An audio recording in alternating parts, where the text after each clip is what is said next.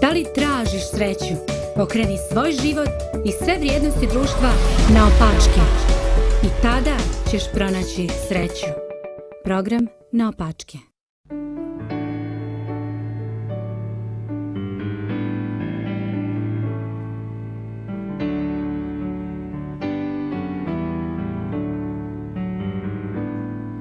Kad oluje život ruše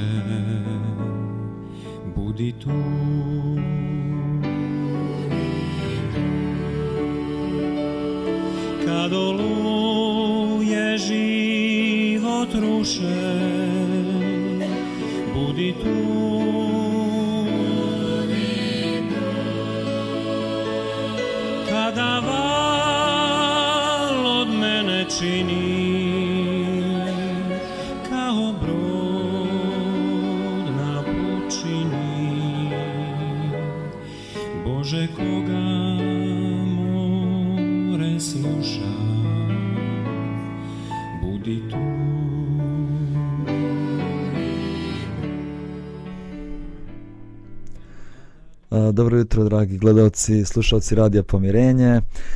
Radujemo se što i ovu sedmicu počinjete zajedno sa nama. Pozdravljam u studiju moje kolege, koleginicu Lidiju, kolegu Zdravka. Nadam se da ste dobro. Pozdrav, pozdrav. pozdrav. Odlično, evo počinje novi dan, nova radna sedmica, ja volim ponedeljak, ne znam, ne, neko ne voli. Ja ne volim petak, ali ponedeljak volim. Super.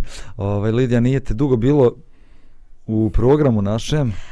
A, bila sam, da, u četvrtak sam bila, u petak sam se zamenila sa kolegom Zdravkom, imala sam neke druge obaveze, pa ovaj, danas smo se zamenili, znači umjesto njega, eto ja sam danas.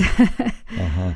Ovaj, mogu da kažem da muzičko-poetsko veče koje smo i reklamirali na studiju Jeste. Reset je bilo održano u subotu na veče. Bilo je mnogo izvođača različitih a, pjesama, recitacija, bilo je stvarno fantastično.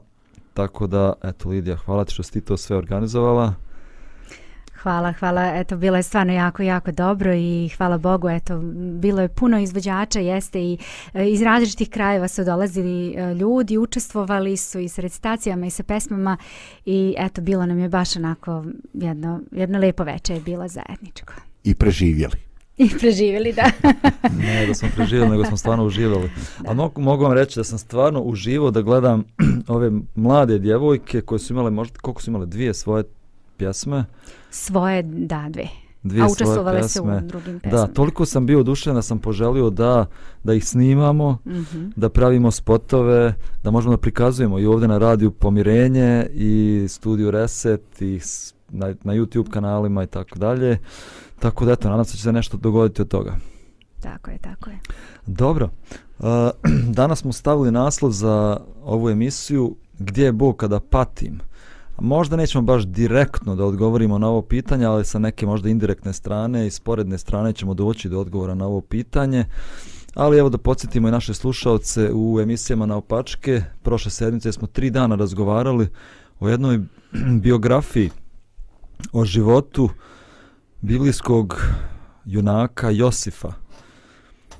Tako da smo pričali o tome šta se njemu dogodilo u životu, kako su ga braća prodala u robstvo, kako je postao rob u Egiptu, kako je Bog bio s njim i pomagao mu, te je postao nadglednik tog doma gdje je on služio kao rob, a onda opet ničim izazvano zbog čiste zlobe jedne žene koja je htjela da ga zavede, koja je htjela da bude s njim, a on to nije želio, završio je u zatvoru. Znači zbog svog poštenja je završio u zatvoru. I onda danas ćemo da nastavimo priču o njemu, pa mogu da pročitam tekst iz Starog Zavjeta koji kaže ovako. Poslije toga dogodi se te peharnik cara Misirskog i hljebar skriviše gospodaru svojemu caru Misirskom. I faraon se razgnjevi na ta dva dvoranina, nad starješinu nad peharnicima i na starješinu nad hljebarima i baci ih u tamnicu u kuću zapovjednika stražarskog gdje Josif biješe sužanj. A zapovjednik stražarski odredi im Josifa da ih služi i bijahu dugo u tamnici. I usniše san obojca u jednu noć svaki po značenju svog sna za sebe, i peharnik i hljebar cara Misirskog, koji bijahu sužnji u tamnici. I sutradan kad dođe Josif k njima pogleda ih, a oni bijahu vrlo neveseli. Pa zapita dvorane faraonove, koji bijahu sužnji s njim u kući gospodara njegova, i reče, što ste danas lica nevesela? Pa ja bi se ovdje malo zaustavio, a, ovaj događaj ide dalje i zanimljive stvari su se desile nakon ovoga, ali možda samo da ovo primijetimo. A, Josif je doživio nepravdu u životu. Rođena braća ga prodala u ropstvo, a, u Egiptu zbog svog poštenja završio u zatvoru i tu ne znamo koliko je vremena proveo. Ali vidimo ovaj zanimljiv tekst. On vidi ovu dvojcu ljudi koji su došli u zatvor, vidi da su nešto snuždeni, da su tužni i kaže, pa što ste vi lica nevesela u zatvoru? da. Zanimljivo, kakav je on stav imao u životu. E, mogao da kaže, e, pa čekajte samo ja da vam ispričam šta se meni dogodilo, pa kako sam ja nepravdu imao, pa da onda sat vremena im priča o svim tragedijama svog života i nevoljama svog života, ali ne, on gleda njih i kaže, ej društvo, pa što ste vi danas tako neveseli? Što ste neraspoloženi? Pa nije kraj svijeta. Pa ja malo da popričamo o tom njegovom stavu. Šta mislite kako je on mogao da ima takav stav? Kako mi da imamo takav stav u životu?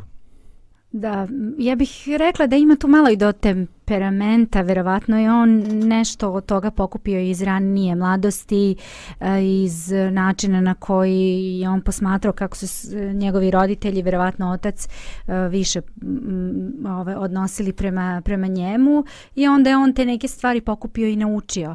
Um, ili, ili je nekako jednostavno on možda bio takav. Ali ja ne bih rekla da u, u situaciji u kojoj se on našao da je njemu bilo tako prirodno da on to tako nekako odreaguje i da je njemu, mislim, hej ljudi, čovjek se našao u zatvoru, ni kriv, ni dužan, znači sve je odradio onako kako treba i pred Bogom i pred ljudima i na kraju završio u zatvoru.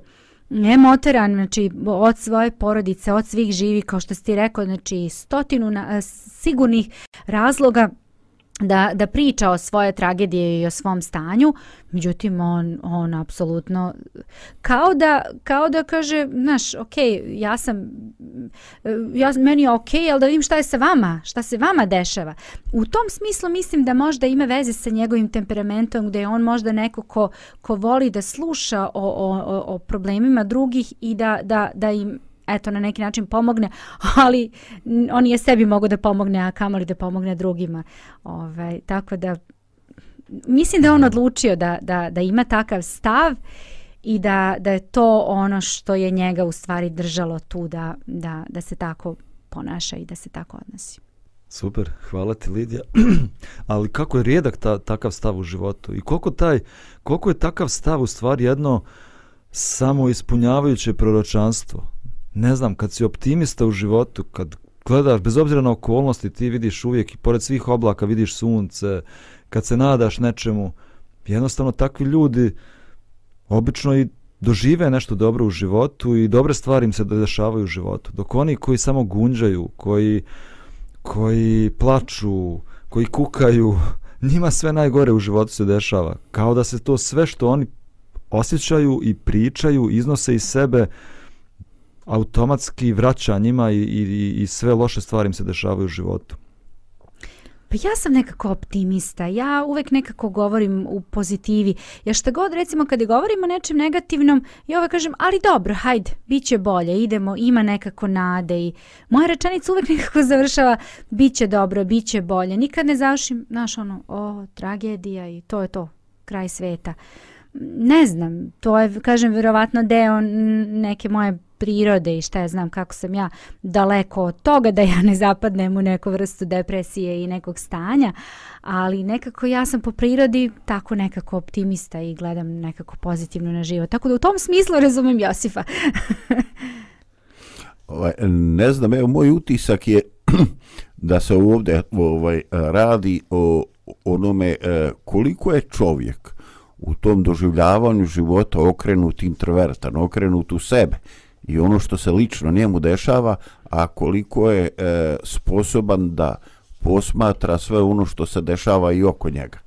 Dakle, e, ono što je definitivno meni se čini jasnim, ovaj on nije previše e, okrenut u ta unutrašnja ovaj svoja doživljavanja ne bavi se svojom mukom. Znači on ima oka za doša, dešavanja oko sebe. On ovaj uspijeva to konstatovati i on ne samo da uspijeva konstatovati on je i zainteresovan za, za tuđu bol. Jer ovaj, i ja sam sreta u životu ovaj e, ljude e, na primjer koji e, iskazuju neko nezadovoljstvo ali ovaj oni su u tom danu definitivno imali povoda E, za radost i tako dobili su neke stvari ali on ne vidi ono što je bilo dobro vidi samo ono što je što, samo ono što je ovaj bilo ovaj loš i takvi ljudi su uh, u velikoj opasnosti da budu nezahvalni i prema drugom čovjeku, a i prema Bogu, prema životu. Dakle, ajde, neke stvari nisu u redu. Ali čekaj, ima toliko stvari koje su u redu. Ima toliko stvari u kojima je možda uh, E, i bolje nego što bi se bilo realno očekivati. Dakle, e, ajde da koristim taj tehnički izraz ovaj sa snimanja. E, u kojoj mjeri, gdje je fokus? Jer ako je fokus promašen, džaba je ljudi će biti ovaj on znači pored toliko svoje muke o njegov fokus je e, prema ljudima izvani i on je ne samo da ih vidi da konstatuje nego i zainteresovan za njih i to je već njegova neviđena prednost Definitivno. Ovaj, ajde napravimo jednu malu muzičku pauzu, pa ćemo da nastavimo priču o Josifu i o njegovim patnjama. Može.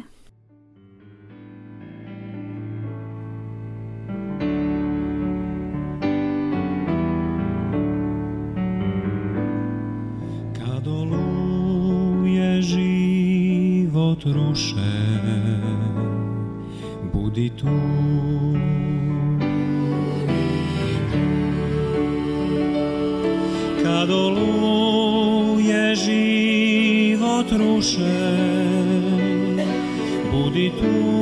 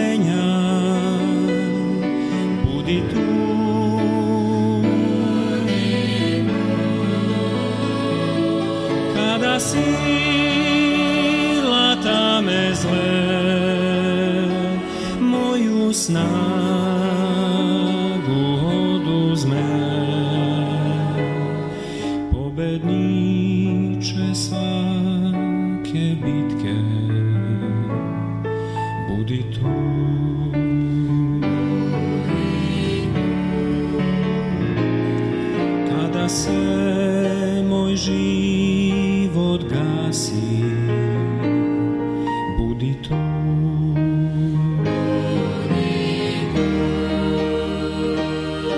Kada se moj život gasi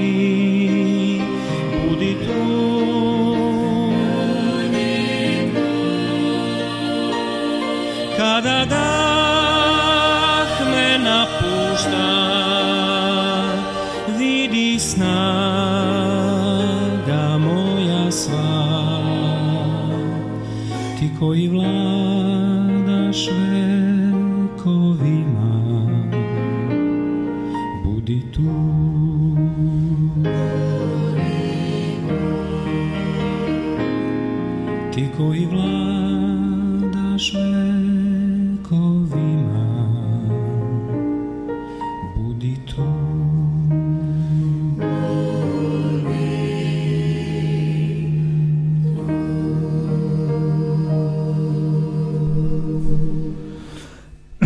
Vas nazad u programu. Razgovaramo o temi gdje je Bog kada patim, a sve to pratimo kroz priču o Josifu, njegovom životu. Josif je bio u zatvoru, vidimo da je pokazivao jedan pozitivan stav u životu, nije kukao zbog svoje sudbine, već vidi patnju drugih ljudi, vidi njihovo neraspoloženje, pokušava njih da utješi. Momci, što ste tako žalosni? Čitao sam knjigu o Tomasu Edisonu, a njegov sin Charles je pisao tu knjigu i onda je e, pričao kako je kad e, je Edison imao 67 godina, dogodio se jedan požar u njegovoj kući. U stvari u jednoj zgradi gdje on radio, svi njegovi dokumenti, patenti, sve što je radio cijelog života bilo je u toj zgradi, ali za nekoliko minuta požar je zahvatio cijelu zgradu. I sve je gorilo i on se pitao šta će biti s njegovim ocem, da li je živ i onda je vidio oca ovaj, kako je iz, izlazio iz te zgrade, onako bio je sav uh, opaljen od vatre, pitao se kako će sad ovo uticati na njega. 67 godina, niz baš godine za novi početak.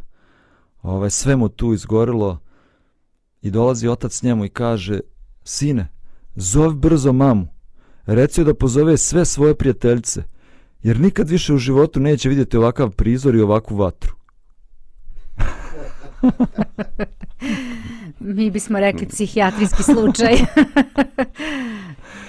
I onda kaže u toj knjizi kako je on sljedećeg jutra, aj požar je već bio malo ovaj, zaustavljen, u svojoj spavačoj sobi pozvao sve radnike da dođu u njegovu spavaču sobu i kaže k njima upravo smo se riješili sve starudije koje smo imali. Sad gradimo iz početka sve novo. I kaže kako je to rekao, stavio glavu na jastuk i zaspao. Koliko je bitan stav u životu? Ja mislim da je to ključna stvar i to je stvar odluke i to je nešto što se uči. E, ja mislim da, kao što sam spomenula, mislim da od temperamenta i od tih nekih prirodnih e, naših sklonosti i načina reagovanja zavisi dosta toga. Ali generalno ja mislim da i najsmirenija osoba koja se nešto tako dogodi da bi prirodno odreagovala mnogo burnije nego što, što smo čuli sada ali smatram da, da je to nešto što se uči. Znači, kada najđeš na neku situaciju, svakodnevnu što god daje, kako ćeš da odreaguješ? Znači, razmisli, stani, seti se toga, znači da, da, da ima svetlo na kraju tunela, da nije sve negativno, da nije sve najgore, umjesto da vičeš, umjesto da kažeš, hej, zašto ti to... Pa postoji drugačiji način da to isto kažeš. Malo razmisli i malo ipak odluči da postopiš drugačije. I onda, to, to je kao inače i sve navike u životu koje stvaramo. O, ništa nije prirodno, ništa ne dolazi samo od sebe. Znači sve učimo u životu. Ja mislim da je to e, nešto š, na čemu treba da, da učimo i da radimo. Mm -hmm. Super, super, baš mi se sviđa ovo što sad ti ovaj, govorila. Uh, da, možemo da kažemo da mi jednostavno svaki dan pravimo izbor. U našoj glavi, u našem umu, kakve ćemo misli da imamo? Da li ćemo da imamo misli koje su misli straha, brige, pesimizma ili ćemo da mislimo pozitivne misli? A sve to na duge staze će stvoriti od nas ovakvu ili onakvu osobu. Svakako. ok. Uh, dobro. Znači, vi ste totalno odgovornost prenijeli na pojedinca. Ako ti se skrene sve na loše i ako se nakon nekog vremena ovaj e, razboli zbog te tenzije, to je zato što nisi donio ovaj e, zauzeo dobar stav. Pa nismo išli tako daleko. Nismo, ali, ali samo da provjerim. da, nismo da. išli tako daleko, već smo govorili o tome da mi sami biramo da li ćemo biti optimisti ili pesimisti u životu a sigurno to ima posljedice. Niti to znači da će optimista svaki da doživi dobro, a pesimista loše. Ali definitivno će ti život biti lakši i bit će ti zadovoljniji i sretniji ako si optimista u životu i ako imaš pozitivne misli bez obzira na okolnost. Pozitivan stav u životu. Da. da. E, ovaj, pokušavam ja to sve da ispratim i da vidim koliko to korespondira s nekim mojim životnim iskustvom. Ovaj, eh, nisam sigurno, siguran da je to baš onako e, samo neke stvar odluke, pa de ti svaki dan donesi ovaj e, odluku. Mi jednostavno imamo te neke e, obrazce, reakcije, koje nekad učimo i u porodici. Ovaj, I e, potrebna je, moj dojem je da je potrebna baš dublja, korijenita potreba, ovaj, promjena u, u čovjeku, koja je mnogo žešća nego, eto, aj ti pravilno razmišljaj danas, razumiješ me, e, da bi se to promijenilo i da bi se čovjek izborio. Jer recimo kad gledate kako su neki ljudi eksplozivni, kako bolan razmišljanje, kako brojanje do 100, pa on ne može izbrojiti do 5. On je već reaguo. U, u već, mu, ovaj, e, već mu skočile žile na čelu, hoće da ga udari E, možda na ka... Razumiješ, on je već reagu, On već ima gotove obrazce. Znači, e, ja bih volio da je to jednostavno, ovaj, e, sad će me neko objasniti kako sad da ja reagujem, razumiješ me, i ja to, ja to popravim, ja sam riješio. E, bojim se da je, da je čovjek tu bespomoćni i da mu baš treba dublja promjena da bi neke stvari ovaj da bi neke stvari popravio.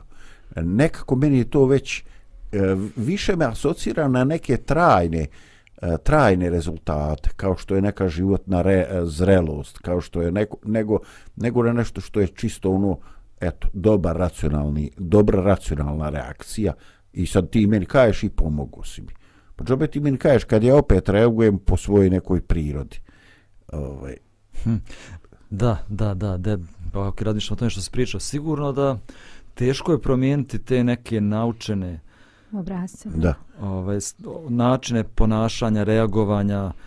Kad smo tako već reagovali milion puta, aj sad ti to promijeni. I ti to sad, i, i Božo, i ti to sad nije sad što si ti reagovao, šta ću ja reći? Znači, možda će se čekaju suzdržati da nešto kažem, ali ja kipim. Razumiješ me? Znači, posljedice su već tu. Adrenalin se prospa, otrovi se u mozgu prospaju. Znači, ti, ti si već reaguo. Ti se možeš kontrolisati da, da, da, e, e, rekla bi moja pokojna baba, da ne laneš. To možeš kontrolisati. I da ne kažeš nešto što će donijeti još gore posljedice. Al, al ti kipiš. E sada, ovaj, e, neki ljudi su recimo neki ljudi su e, tako nastrojeni da oni vide samo svoju muku i u čemu šta se njima deslo i kakva je njima nepravda. On jednostavno ne vidi da i drugi ljudi imaju svoje probleme. Ovaj, i, I to je nešto što je, e, ne znam, ja makar doživljavam kao krupniji problem za koji treba ovaj, baš neka, e, skoro je Milan pričao o metamorfozi e, to je dublja prom, to, i čak mislim da to zadire u, u promjenu ličnosti, e, konstrukcije ličnosti. Da nije samo na nivou racionalne reakcije, ono, znaš, sad ja saznao i, i ok, trudim se da, da se drugačije ponašam. Ovaj, moje iskustvo da je to možda potencijalno ovaj, teži problem s kojim se ljudi suočavaju. Naravno, Naravno, evo ja mogu iz svog iskustva i pričao sam ovdje u emisijama, ne znam, pa evo, povrijedio me moj prijatelj, nekad me, nekad, ja nisam želio da imam ta osjećanja mržnje, osjećanja želje za osvetom ili osjećanja da blokiram ga, blokiram ga sve na ovaj, svugdje, ne želim imam nikakvog više kontakta s njim i ono u dubini duše sam povrijeđen i ogorčen, I... A, a razum ti sugeriše nešto? A, a sam sebi govorim da, da neću tako da, da, da, to ne želim. Znam da je to pogubno za mene i ne želim tako da se osjećam, ali jednostavno nemam snage da se, da se uzdignem iznad toga. Ali mogu da kažem za te neke najveće povrede u životu mi je trebalo možda i godinu dana. Vrijeme. Vremena znači. I molitve i razgovora s Bogom i da, da, da jednostavno promijenim. Da, da dopustim da Bog jednostavno promijeni mene kao ličnost. Evo to što ti govoriš. Da. Neki, neki put ljudima treba, ovaj, treba ljudima dati vremena. Jednostavno da, da i, i kad recimo povrijedimo ljude nenamjerno, nepažnjom ili šta ja znam, e, kako bi rekao, ne treba se uvijek truditi da iste sekunde to sve objasnimo. Ovaj, e, treba reći što prije žao mi je, ali ovaj, e, popravljati i dovoditi u plus temperaturu, neki put treba malo sačekati da čovjek to procesuira u glavi. nije lako. Da, da, ali sad mi pada na pamet i tamo recimo u Novom Zavjetu gdje apostol Pavle govori, kaže da uh, zarobljavamo svaku misao za pokornost Bogu, da tako kažemo, parafraziram. Naša je odgovornost šta ćemo mi raditi sa našim mislima. O, misli utiču na naša osjećanja. Sve dolazi iz naših misli. Ako ti dopustiš tim negativnim mislima da se roje po glavi, misliš o njima, ona će naravno da stvori osjećanja depresije, osjećanja straha, osjećanja ljutnje, ali mislim da ipak je naša odgovornost da zarobljavamo te misli, kako on Tako je. govori. Ne znam, ako se pojavi takva misao, na početku nekom je povrijedio, što je to uradio, kako je to uradio, kako je mogo to da mi uradi, da odmah kleknemo na koljena ili da se odmah pomolimo Bogu i kažem Bože zarobi ovu misao, uzmi ovu misao iz moje, Mm. mog uma, ne želim o tome da mislim, jer te misle će dovesti ko zna do kakvih emocija i ko zna do kakvog ponašanja na kraju krajeva. Ja sam čitao knjigu Viktora Frankla Zašto se niste ubili? I u toj knjizi on opisuje svoje godine u logoru. I on tamo opisuje kako ti u uslovi života jednostavno su natjerali ljude da budu životinje. Moraš jednostavno, da bi preživio, moraš da se boriš i moraš da otimaš od drugih, da otimaš hranu od drugih, da kradeš od drugih, da bi ti opstao i da bi ti preživio. Jer nije bilo drugog načina uopšte. Ali eto, u mnoštvu tih ljudi tamo bilo je ljudi poput njega, koji, se, koji je sam tu osjećao potrebu da preživi i nešto ga je vuklo da i on se tako ponaša, ali sam sebi je svaki dan govorio da ne želi takav da bude i da ne želi da otima hranu od drugih i da on želi, on je bio i doktor inače, da on želi da svoju hranu dijeli sa drugima i da on želi njima da pomogne, pa makar on i umro, makar se njegov život završio tu u logoru, ali nije želio tako da se ponaša. Što nam opet govori da aj sve ima i obrazovanje i a, vaspitanje i sve to vjerovatno ima uticaja na, na sve to, ali eto neko ipak smogao snage da se uzdigne. Da, e, ja sad razmišljam dok si ti zdravko govorio, čini mi se da je moje razmišljanje ovaj sli, bliže uh, Božinom, iako mislim da tu smo negde uh, u razmišljanjima. Uh, sećam, ne sećam se, nego u našoj uh, spavaćoj sobi Bojan i ja imamo jedan plakat, to je Bojan ovaj, isprintao gde piše um, sunce da ne zađe u gnevu vašemu. I to nama stoji tu pored kreveta stalno ja kuću gde ću, tu se vrtiš stalno u sobi, malo malo pa to vidiš, malo malo pa to vidiš. I to mi je stalno u podsvesti. E, mi kada te recimo neke negativne misli, razmišljanja gajimo, gajimo, gajimo, pogotovo mi žene smo sklonije ka tome, onda ta jedna misao koja se stvori zbog možda neke nesuglasice ili bilo čega, onda se tu nakantaju još nekoliko novih drugih misli koje možda nemaju veze sa tim i onda mi stvorimo čitavu priču o tome šta je i kako je, zašto je ta neka osoba postupila, evo u ovom slučaju moj, moj suprug. I ako mi nismo odmah seli da to rešimo i da razgovaramo i da tu priču završimo, onda posle, ne znam, dan, dva, posle pola dana, posle ne znam ja kog vremena, tu će se stvoriti čitava jedna priča koja uopšte nema veze sa ovom prvobitnom pričom.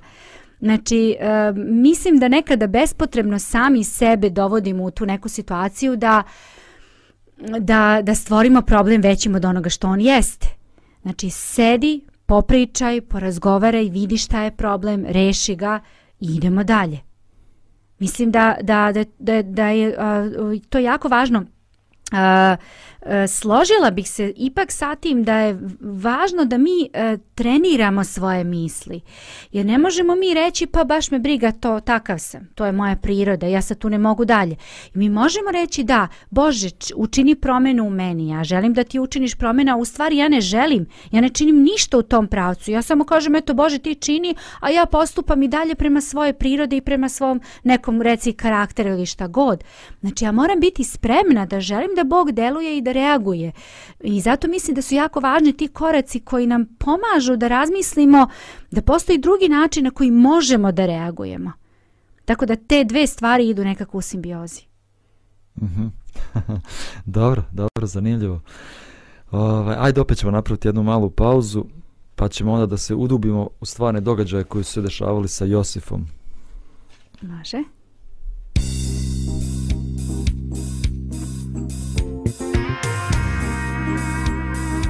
Radio Pomirenje.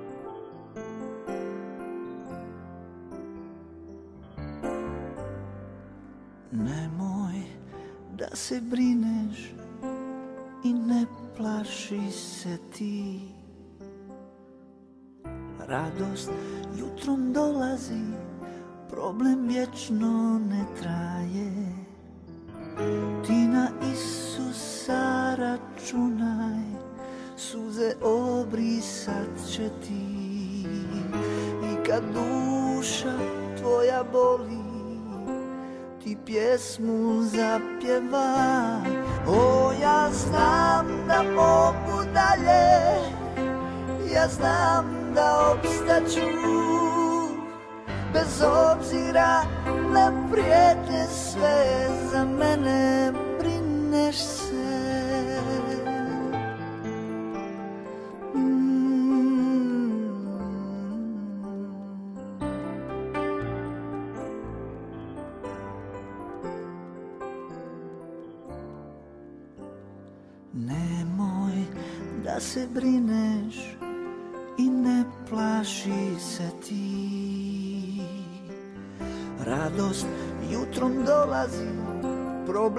vječno ne traje. Ti na Isusa računaj, suze obrisat će ti. I kad duša tvoja boli, ti pjesmu zapjevaj. O, ja znam da mogu dalje Ja znam da obstaću Bez obzira na prijetnje Za mene prinese. O, ja znam da mogu dalje Ja znam da obstaću Bez obzira na prijetnje sve Za mene brineš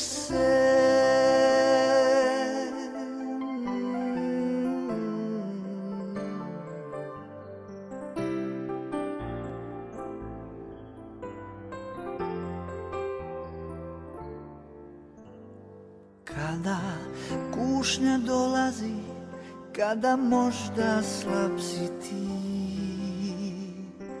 Kad tvog društva nema I nikog da te utješi.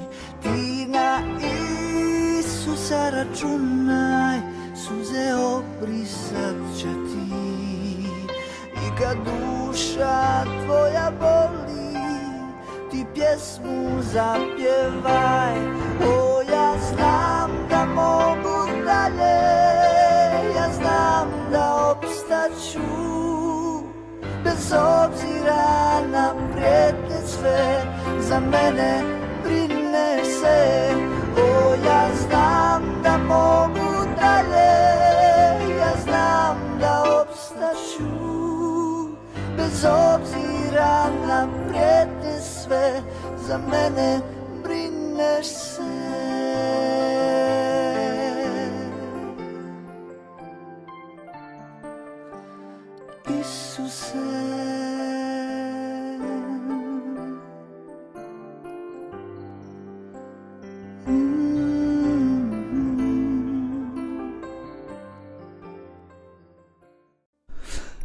Evo nas ponovo u programu.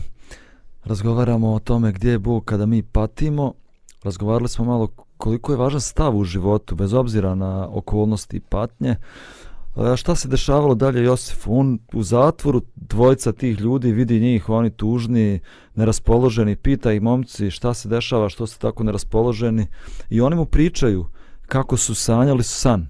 Obojica su imali san jedan taj koji je bio peharnik u smislu on je vjerovatno brinuo o vinu, piću ovog cara Ja, misirskog ovaj zbog nekog razloga car se naljutio na njega, bacio ga u zatvor i on sanja san kako on bere grožđe, cijedi to grožđe, daje caru opet da pije.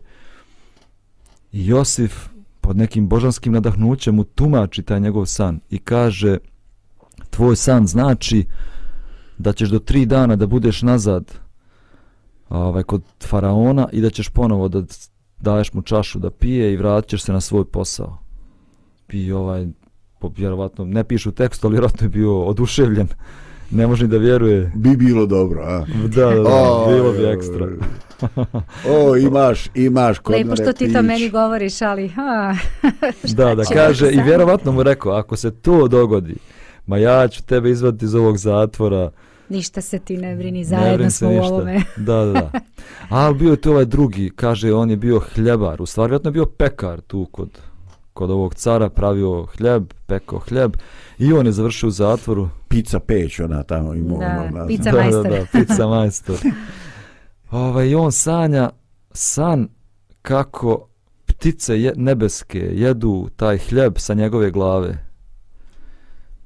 I Josif i njemu tumači san, ali a, tumačenje tog sna nije baš bilo tako pozitivno. Kaže za tri dana car će da te objesi i završćeš svoj život.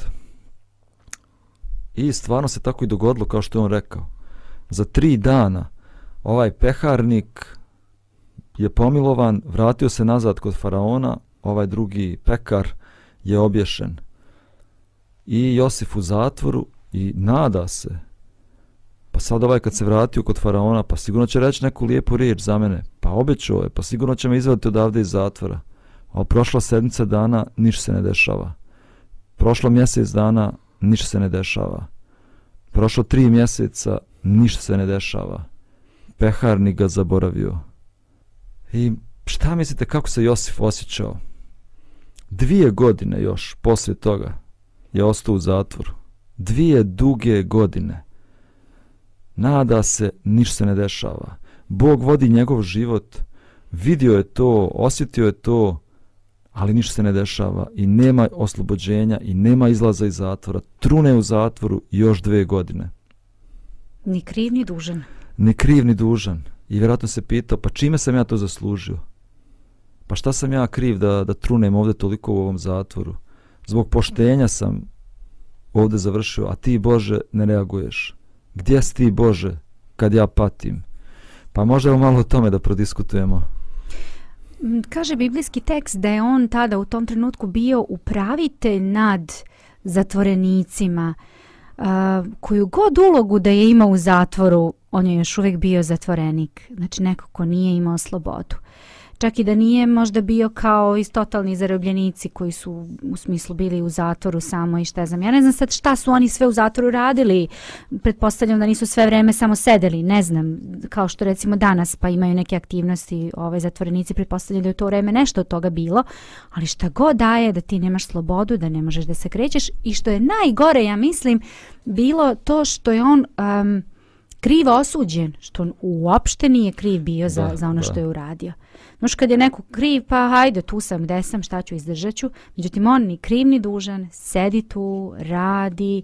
E, postoji Sigurno, pretpostavljam da su naši slušalci i gledalci možda imali priliku da gledaju onaj crtani film uh, Josif i meni sad provejava u mislima ona pesma koja us- baš ide sad u tom delu kada je on tu i pesma kaže you know better than I znači ti znaš bolje nego što ja kako ja to vidim kaže ti znaš put i jednostavno puštam tebe da ti preuzmeš moj put i da ne donosim ja odluke za sebe, nego da ti donosiš odluke za mene. I ja mislim da je to ključna stvar u ovom momentu bila gdje on kaže moje poverenje sada je u potpunosti u tvojim rukama. To je ono kad ti više ništa ne možeš, kad dođeš do zida i što god da si uradio, super. Znaš, i Bog ti da dar, zamisli to, Bog da dar Josifu da on može da tumači snove i on zna da to nije od njega, da je to od Boga. Bog mu daje dar i kao misli to je izbavljenje, to je to što mi treba. Međutim, ništa od toga. I dalje on trune tu.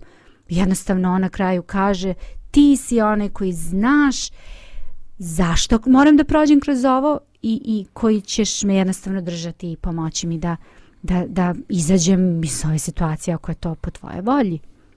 Mislim, to, to, to su nevjerovatne stvari koje, kroz koje učimo da, da se oslonimo na Boga, da imamo poverenje da će onda da reaguje i da deluje.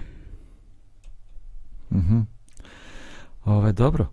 Možda da se zapitamo, kad smo već rekli gdje je Bog kad patimo, da li patnja ima neku ulogu u našem životu? Da li je Josif trebao da prođe kroz proces nevolje, patnje u svom životu? I da li mi, mora, da li mi treba ponekad da prođemo kroz, kroz takav proces? Nisam sigurna da postoji lak odgovor na ovo pitanje, zato što je problem patnje poprilično kompleksna tema. A, I sad ako bismo, mislim da bismo bili prepotentni ako bismo rekli da mi danas imamo odgovore na sva pitanja kada je u pitanju ljudska patnja. A, mislim da, da konačan odgovor ćemo verovatno jednog dana kada budemo bili a, sa Bogom znati, jer će nam on dati odgovor na mnoga pitanja na koje mi danas ne imamo odgovor.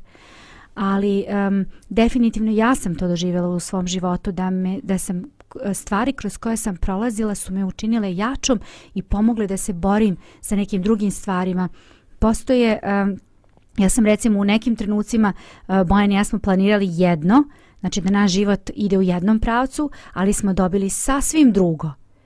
I ja sam se pitala, pa Bože, zašto? Pa ovo je mnogo bolji put, bio je mnogo lakši, jednostavniji.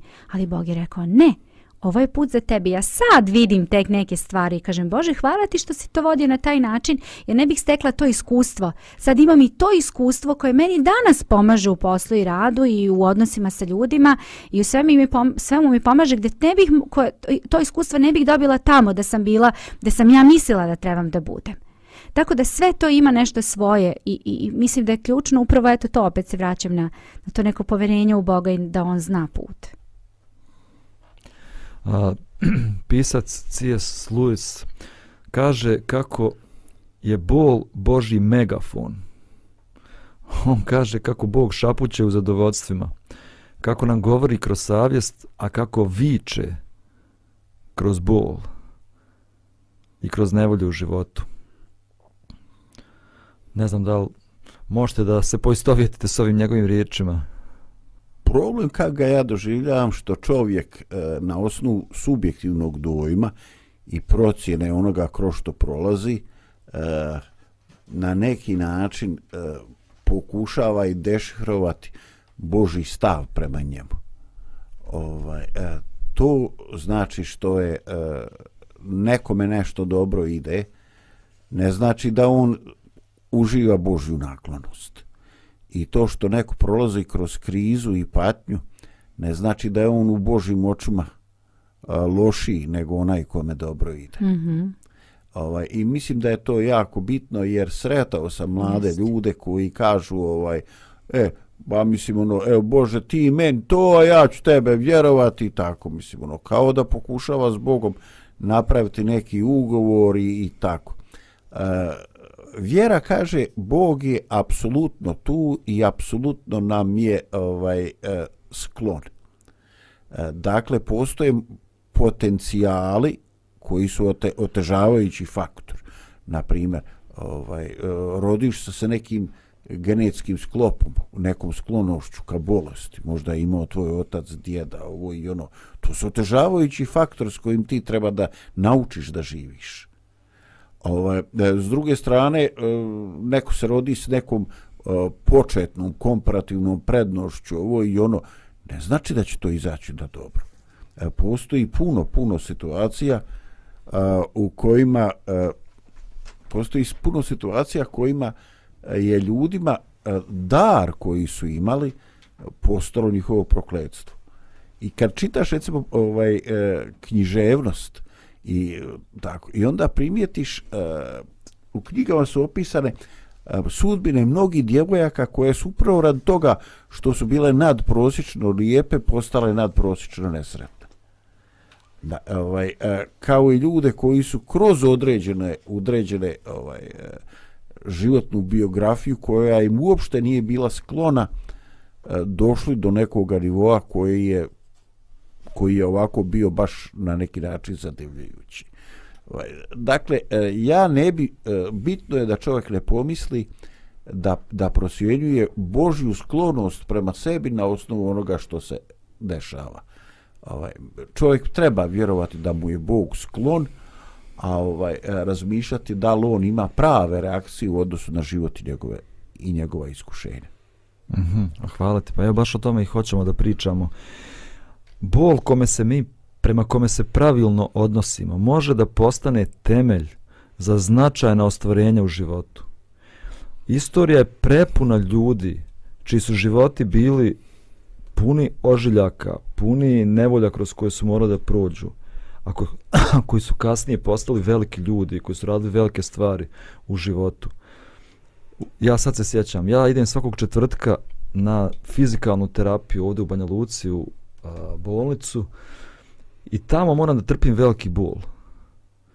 Stvarno veliki bol. Ime, idem na neku terapiju koja se zove shock waves.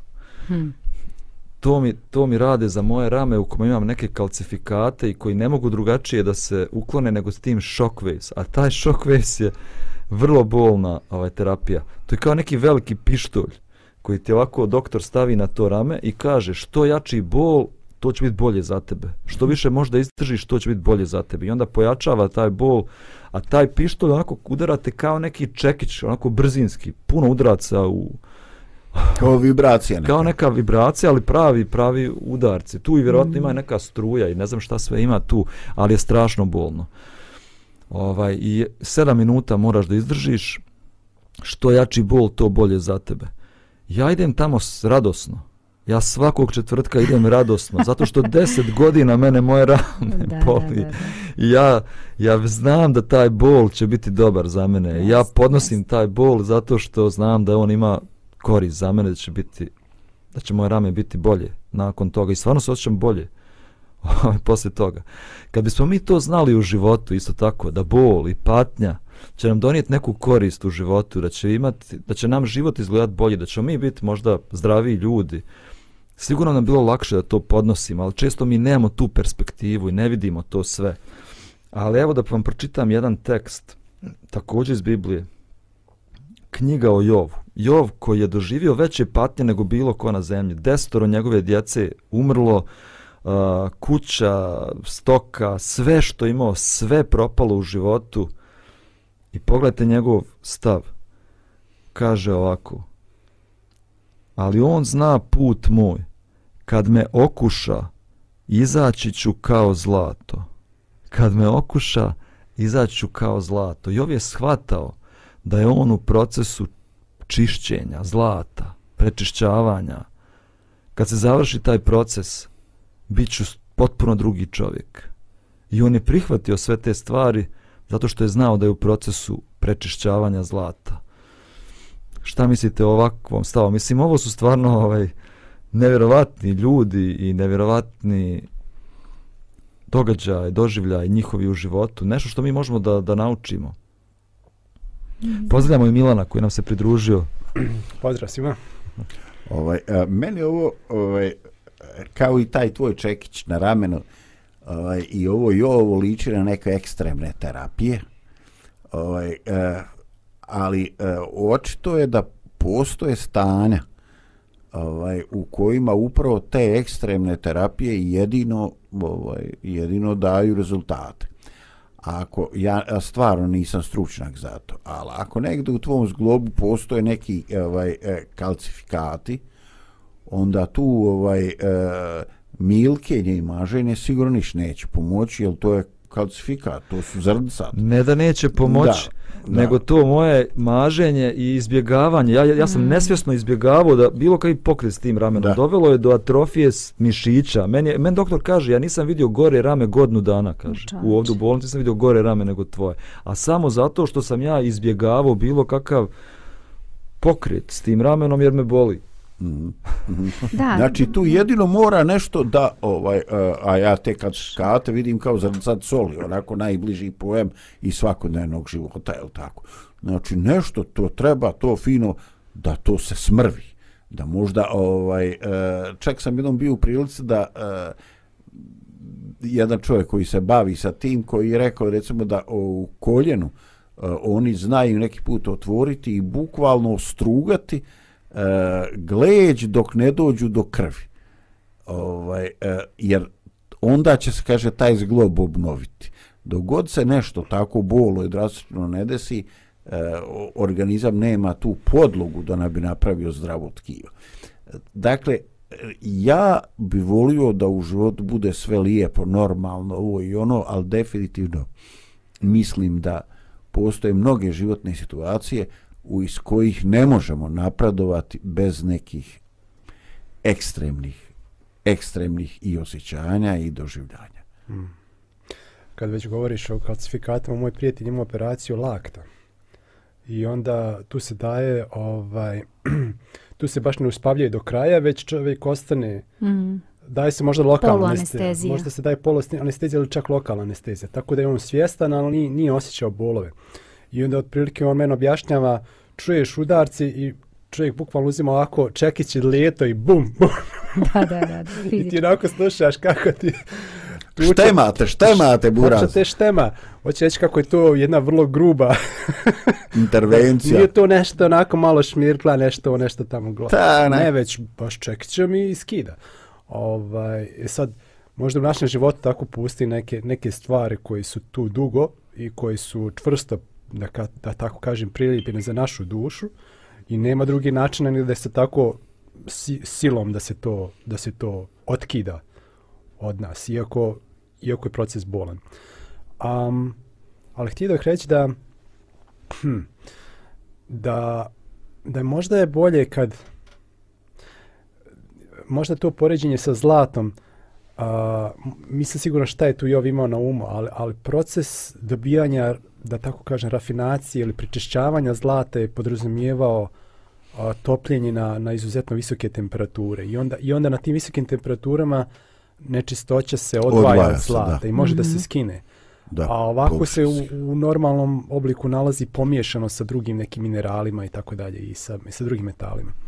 I, I isto tako onda da bi čovjek bio ono najbolje što, što treba da bude, kakvim ga je Bog zamislio, očigledno nekad mora biti izložen nekim, da tako kažem, pod navodnicima, visokim temperaturama, nekim užarenim Pećima. situacijama i, koje predstavljaju peć, koje nas prečišćavaju da, da, da naš karakter blista kao zlato. Da, pa kao što vežbamo, pa nam je teško, Pa kao što odemo kod zubara kad smo bolesni, a to je kad nas boli zub, a znamo šta nas čeka tamo, neće nas ni, ni doktor tamo milovati i tamo boli. Dobro, i onda anesteziju, ali zavisi nekad ne može da da, nekad mora bez anestezije. Ima različitih tih situacija i sve to mi dobrovoljno se pre, ovaj, dajemo toj vrsti boli jer znamo da će nam posle toga biti dobro. Isto tako i ta, da kažemo, duhovna, duševna bol kroz koju prolazimo, često ima taj terapeutski uticaj. E, opet kažem, e, ne želim da sada, e, tako, to je moj, moje mišljenje, da ne bih žela da sad u emisiji ljudi smatraju da mi imamo sav odgovor na pitanje zašto ljudi pate i prolaze kroz različite situacije. Ja ne mislim da, da, da definitivno možemo do kraja da odgovorimo, ali definitivno možemo da pomognemo, da razmišljamo i u ovom pravcu, da bol definitivno može da pomogne da, da um, neke stavove uh, stavimo znači na čvrste noge i da da možda ovaj u drugim situacijama odreagujemo na sličan bolji način. Mhm. Mm Definitivno. Sad razmišljam sada da li da ubacujemo neku pjesmu, nemamo puno vremena. Mislim da smo već pri kraju, da pa pri možda da zaokružimo. Ok, da. ok, možda da zaokružimo. Pričali smo o Josifu. Dve godine čekanja, ništa se ne dešava izvana, ali puno se dešava u njemu. Bog ga priprema, Bog ga prečišć, prečišćava njegovo zlato, Bog ga priprema za velike stvari u životu kojih on uopšte nije bio svjestan. Posle dve godine Bog interveniše i sve se mijenja u Josifovom životu. Mm. On izlazi iz zatvora ne da bude slobodan čovjek, nego da bude premijer Egipatskog carstva. Na jedan nevjerovatan način i spletom različitih okolnosti koje su se dogodile, koje je Bog vodio. Ali sve ovo vrijeme Bog je pripremao Josifa. Bilo je razloga zašto je on trebao da bude u zatvoru. Bilo je razloga zašto a se ovaj peharnik nije sjetio njega. Zašto je dve godine trunuo po njegovom mišljenju u zatvoru, u stvari Bog ga je pripremao, Bog ga je prečišćavao da bude čisto zlato. Kad je izašao iz zatvora, on je stvarno bio čisto zlato. Jedan novi čovjek koji je bio spreman za tu ulogu koju mu je Bog povjerio. Ali o tome ćemo pričati u narednoj e- emisiji iz programa Naopačke. Do tada želimo vam sve najbolje u današnjem danu. Preporučujemo i Zdravkovu emisiju da te blagoslovi gospod u 13 sati. Lijep pozdrav! Pozdrav. Prijetno Pozdrav. pozdrav.